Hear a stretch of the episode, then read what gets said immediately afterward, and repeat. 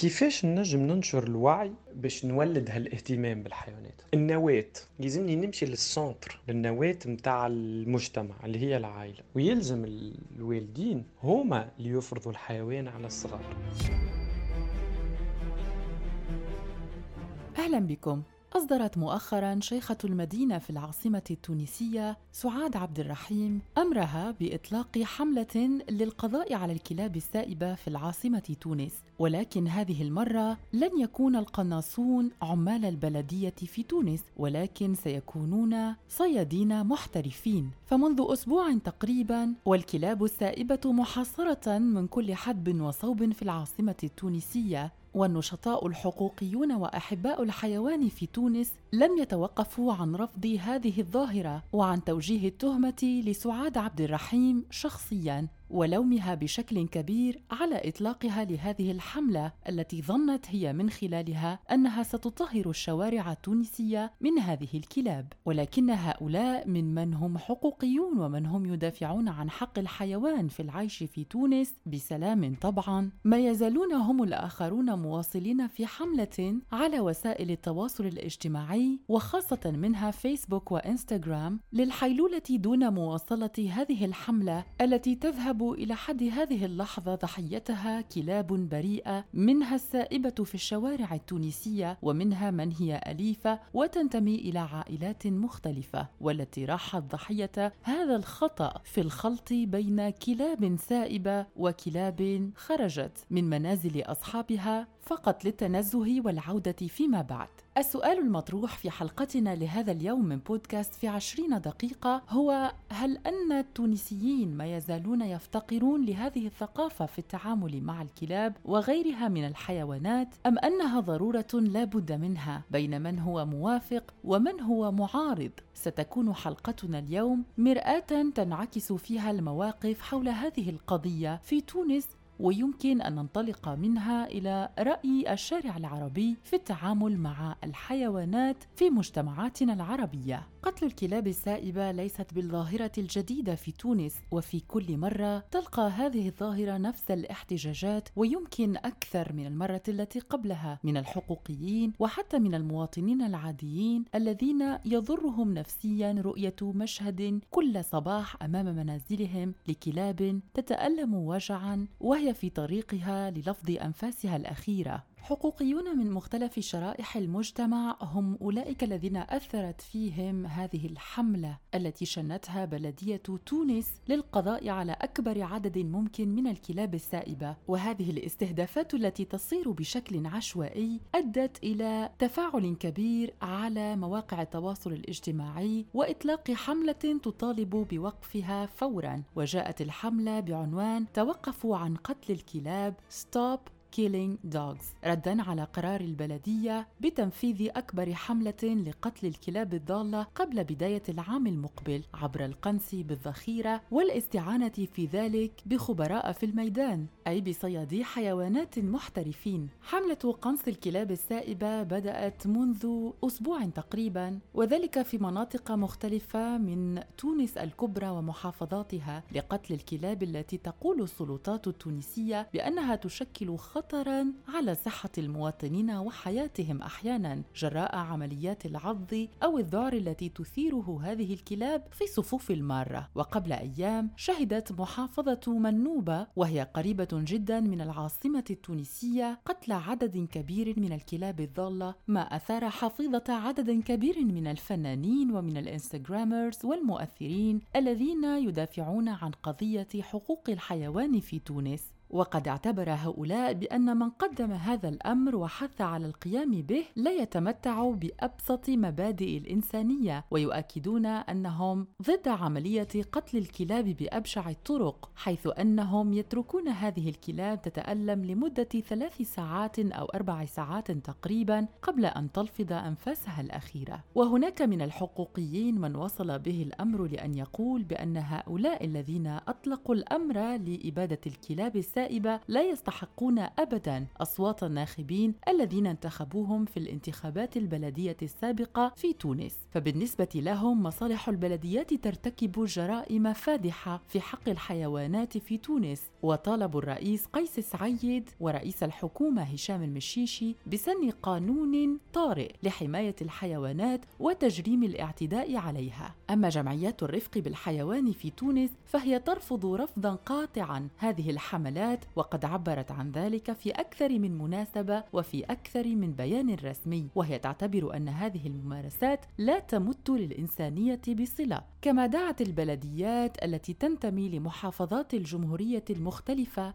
إلى إيجاد طرق أخرى للتعامل مع الكلاب السائبة بشكل خاص. قتل الحيوانات في تونس وبالخصوص الكلاب السائبة أضحى أمرا شبه عادي وشبه يومي خاصة على يد من يشتغلون بالبلديات الذين يتلقون الأوامر من شيوخ المدينة ومن رؤساء البلديات بتطهير الشوارع وذلك بناء على بضع الشكاوي التي يتلقونها بشكل أسبوعي أو شهري لهجوم صدر عن كلب سائب. والي تونس كان قد صرح مؤخرا وقال بأن الأولوية التي التي بحث فيها مجلس الأمن الجهوي بتونس هي ظاهرة الكلاب السائبة هذه التي يتشكى منها المواطنون على حد قوله وأشار إلى أن القضاء على الكلاب السائبة في تونس عبر القنص بالذخيرة من قبل وحدات الشرطة البلدية والذي توقف بين عامي 11 و2015 و2000 سيتم استئنافه تدريجيا في مختلف الدوائر البلدية وقد تم تخصيص ميزانية إضافية لذلك. هذا يعني بأن في تونس تونس تخصص ميزانيات لقتل الحيوانات قبل محاولة إيجاد حلول أخرى وهذا بالتحديد ما عاب عليه الحقوقيون. فقد قال هؤلاء بأن المسؤولين في تونس عادة ما يستخدمون حلولا بشعة ولا إنسانية ولا يرغبون في تمضية بضع الوقت للتفكير في حلول أنجع وأرحم لهذه الكائنات التي تملك هي الأخرى الحق في العيش كما هو الحال بالنسبة للإنسان. ولا يفوت يسعدني هنا بأن أذكركم بحادثة منطقة جربة أو جزيرة جربة كما يحلو للجميع في تونس تلقيبها وتسميتها. هي منطقة عاشت منذ فترة جريمة شنيعة بكل المقاييس راح ضحيتها عشرين كلبا لم يكونوا من الكلاب السائبة ولكنها كانت كلابا على ملك امرأة إيطالية مقيمة بتونس كانت قد أعدت لهذه الكلاب مأوى تأكل وتشرب وتنام فيه ولكنها تخرج للتنزه من آونة لأخرى ثم تعود إلى هذا المأوى. ولكن الغريب في الأمر وما أثار حفيظة المجتمع التونسي وكذلك كل من سمع بهذه الحادثة بأن عناصر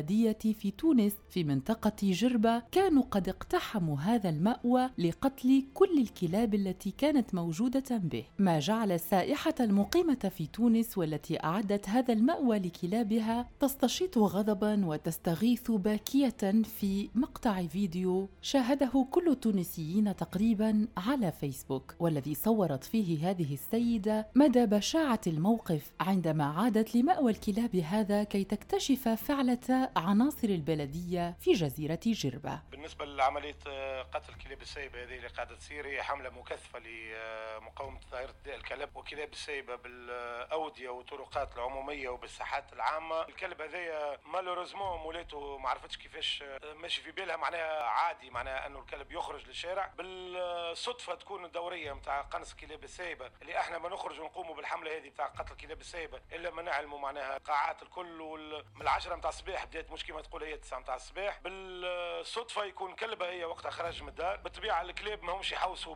بوثيقة هوية نتاعهم ولا بدفتر العلاج نتاعهم باش نعرفوا إحنا أنا الكلب السايب وأنا الكلب المتربي في دار. العلامة الدالة اللي تحكي عليها هي هي اللي آه، مقمرته به مش إحنا كمصالح شرطة بلدية مقمرينه به نتأسفوا على الحادثة هذه لا محالة. خاطرين تأثر بتاع المرأة هذه فقدان بتاع الكلب نتاعها ونحاولوا آه، من هنا فصاعدا انه تكون آه، الحملات هذه مركزة على مناطق أخرى. ونوصيوا العباد أكثر باش يستحفظوا على الكلاب نتاعهم في وسط ديارهم ما يخرجوهمش. هذه الأخبار عن قتل الكلاب السائبة والأليفة كذلك التي تحصل في تونس أدت إلى ظهور موجة تعاطف كبرى مع أصحاب الكلاب الأليفة التي يتم القضاء عليها بوجه الخطأ وكذلك تعاطف مع الكلاب السائبة التي ذنبها الوحيد كما يقول الكثيرون هي أنها تعيش في تونس. موجة التعاطف هذه امتدت إلى عديد من البلدان الأجنبية التي تفصلها عن تونس آلاف الأميال والكيلومترات حيث انتشرت عبر مواقع التواصل الاجتماعي وعلى الإنترنت صور لأشخاص من فرنسا والدنمارك وبريطانيا وألمانيا وغيرها من البلدان الأوروبية رافعين لافتات كتب عليها أوقفوا قتل الكلاب في تونس باللغتين الفرنسية والإنجليزية وكذلك باللغة الألمانية. ووصل الأمر بإحدى الفتيات اللائي كنا قد عبرنا عن موقفهن على إحدى هذه اللافتات وقد كتبت لن آتي مجددا إلى تونس رغم حبي لها حتى تتوقف عن قتل الكلاب السائبة. ويشار إلى أن الشرطة البلدية بمختلف الولايات التونسية عامة ما تقدم اعتذارها لأصحاب الكلاب الأليفة التي يتم قتلها بوجه الخطأ. الجمعيات التونسية والجمعيات الأجنبية التي تعمل في مجال للدفاع عن حقوق الحيوان وجهت رسائلها في عديد المرات للسلطة التونسية معبرة عن رفضها القاطع لهذه الطريقة في التعاطي مع قضية الكلاب السائبة في تونس. وقالت في أكثر من مناسبة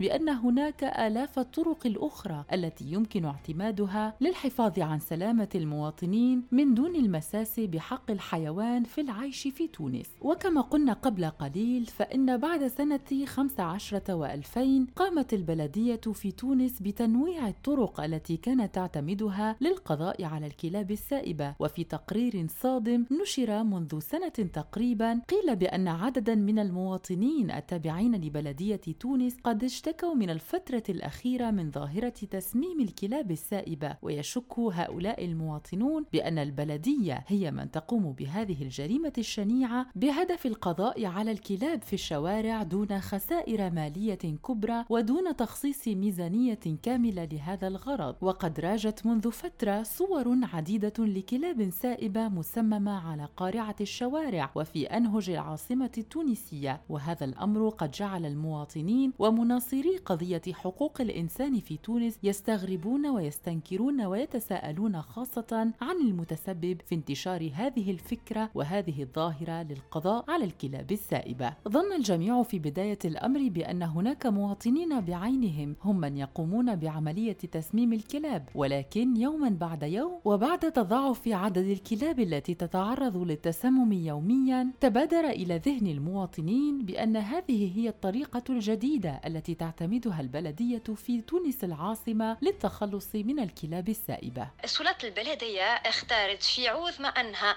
تعقمهم تلقحلهم وتخلق لهم ملاجئ باش تحميهم من الشارع. اختارت القنص اختارت أبشع طريقة بطبيعة الحال وهذاك الشيء اللي خلينا آه، كي نبداو ندوروا في شوارع تونس عادي تلقى كلب ميت على الطريق لأنه البلدية بعد ما تقتلوا تخليه ملوح غاديكا وهذا شيء مؤسف. جمعيات الرفق بالحيوان والحقوقيون الذين يناضلون من أجل قضية تغيير التعامل مع الحيوان في تونس وفي العالم العربي كذلك بشكل عام أكدوا في أكثر من مناسبة على أهمية تغيير هذا الفكر الذي يميز مجتمعاتنا العربية في التعامل مع الحيوان وتقزيمه ككائن لا يملك الحق في أن يعيش بشكل طبيعي وعادي في مجتمعاتنا. الحقيقة أنا آه، بدي رجع القصة للظروف المعيشية الصعبة اللي عم يعيشوها المواطنين بهي الدول العربية يعني اللي عم يتعرض للقمع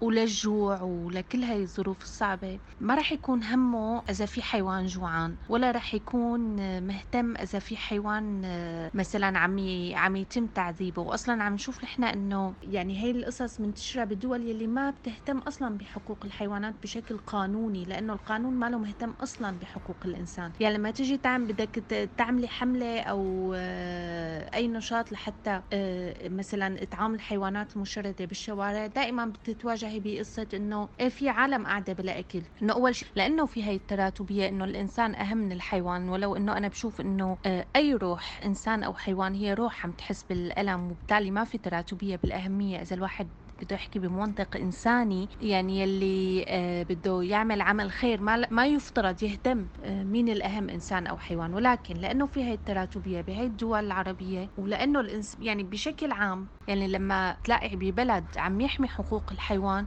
فانت بديهيا رح تقولي إنه معناتها حقوق الإنسان محمية بهذا البلد. هلأ وما فينا نعول على آه، أصلا لا الأنظمة ولا القوانين الموجوده بهي البلدان. في شيء كتير حلو عم يصير بهي الدول آه، إنه العالم عم تاخذ مبادرات صار في درجة من الوعي وعم تشتغل على توعية المجتمع. آه، عم نشوف كتير صفحات على الفيسبوك على الإنستغرام إنه هدول الحيوانات ما بيأذوكم وهن بالتالي شركاء معكم بالحياة مفروض إنه تحموهم عم يصير في حملات توعية عم تبلش القصص من هون بما إنه الدول والأنظمة ما بدها تاخذ أي خطوة للأمام والسبب إنه ممكن تتعرض للسخرية مثل ما قلت لأنه أصلا الإنسان ما له اخذ حقوقه فرح تكون نظرة إنه عطوا حقوق الإنسان قبل ما تعطوا حقوق الحيوان. وهناك من أكد على أن دور الإعلام مهم جدا كذلك في ترسيخ ثقافة جديدة ثقافة رفق ورحمة. من واجبنا نحن الكبار أن نتبناها وأن نرسخها في عقول أطفالنا. ولعل زرع زرع هذه الثقافة في تونس وغيرها من البلدان يستدعي تركيز ثقافة تشاركية يساهم فيها الجميع فتتولى الدولة وخاصة سلطتها التنفيذية بمختلف المؤسسات التربوية والتثقيفية والإعلامية العمل على نشر ثقافة حق الحيوان في العيش كغيره من الكائنات. وتتولى السلطة التشريعية القيام بدورها الأساسي والمتمثل بالأساس في تركيز منظومة قانونية وخلق إطار دستوري يمكن أن يحمي حقوق الحيوان ويجرم هذه الممارسات الشنيعة في حقه. وتجدر الإشارة إلى انه بالرجوع إلى المنظومة التشريعية في تونس يلاحظ نقص كبير في الإطار القانوني الكافي لحماية الحيوان. الأمر الذي يستدعي تدخلا عاجلا لمعالجة هذا الفراغ القانوني ومراجعة القوانين القديمة وتطويرها حتى تكون ملائمة للتشاريع مقارنة بالبلدان الغربية.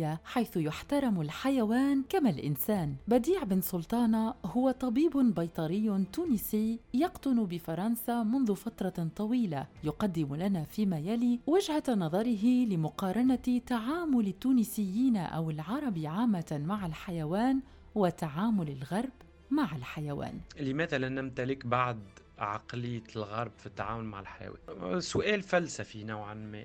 خلينا نقولوا شنية عقلية الغرب ولا خلينا نفسروها أنا عندي مديدة توا نخدم على الغرب اللي ونرى كيفاش يتعامل مع حيوانات ونرى شنية العلاقة. هي علاقة طبيعية أقل من نجم نقولوا عليه على خاطر آه العلاقة ما بين الإنسان والحيوان من أول آه ما تخلقت. هذه هي علاقة طبيعية إنه الإنسان يرعى الحيوان والحيوان يكون زاده une partie من حياة الإنسان هذاك. كما نقولوا نحن فما علاقة متبادلة ما بين الإنسان وما بين الحيوان. العلاقة متاع الغرب هي علاقة احترام لا أكثر لا أقل. هو كائن حي خلق باش يعيش كما تخلق الإنسان باش يعيش كما تخلق النبات باش يعيش. والعلاقة تكمن إنه علاقة الاحترام هذيك هي الأساس. وعلى أساس هذاك هما زادوا بناو علاقة حب وعلاقة معناتها قوية برشا. إنه الحيوان وأنا نحكي على الحيوانات الأليفة لهنا مانيش باش نطرق للحيوانات الكل اللي الحيوان الأليف هذاك اللي يكون القط ولا الكلب ولا فما حتى الحيوانات الجديدة اللي موجود فيهم الببغاء وإلا السلحفات ولا الأرنب. معناتها العلاقة هذه ولات علاقة فرد من العائلة. معناتها هو وقت اللي تولد صغير يلقى يعرف جده عنده حيوان عنده كلب ولا قط وأبوه ربى كلب ولا قط. donc هو وقت اللي يتولد يلقى الكلب والقطوس هذوك من يعيشوا في المناخ اللي هو يعيش فيه. donc بالنسبة لي هذه حاجة طبيعية. كيما واحد يتولد ويحل عينيه يلقى عنده بو ويلقى عنده أم. ما يستغربش. تتولد بطريقة طبيعية. ومن بعد الإنسان هذاك بشوية بشوية يكبر ويولي هو بيدو عنده يحب هو زاده يكون عنده حيوانه الخاص. خاطر العلاقة ما بين الحيوان برشا إخلاص وفيها برشا تبادل معناتها نتاع محبة فهمني الحيوان هذاك موجود وقت اللي انت تعب وقت اللي انت حزين وفما عندهم الحيوانات كاليتي ماهيش تمشي وتجي عند الناس مش ديما متواجده تبادل معناتها عاطفي كبير برشا. يحس بال... بالإنسان ويحس وقت اللي هو في فترة الحزن وقت اللي هو متضايق وقت اللي هو آه فرحان. وما يطلبش حاجة في المقابل. أنت توكل وتشرب وما هو موجود. حتى كان ما تعملش الحاجات هذيك هو موجود بلاش. نحن مستمعين في انتظار تفاعلكم وتعليقاتكم على موضوعنا لهذا اليوم في حلقتنا من بودكاست في عشرين دقيقة على راديو الآن. شكرا لكم على المتابعة. وإلى اللقاء في حلقات أخرى مع مواضيع أخرى.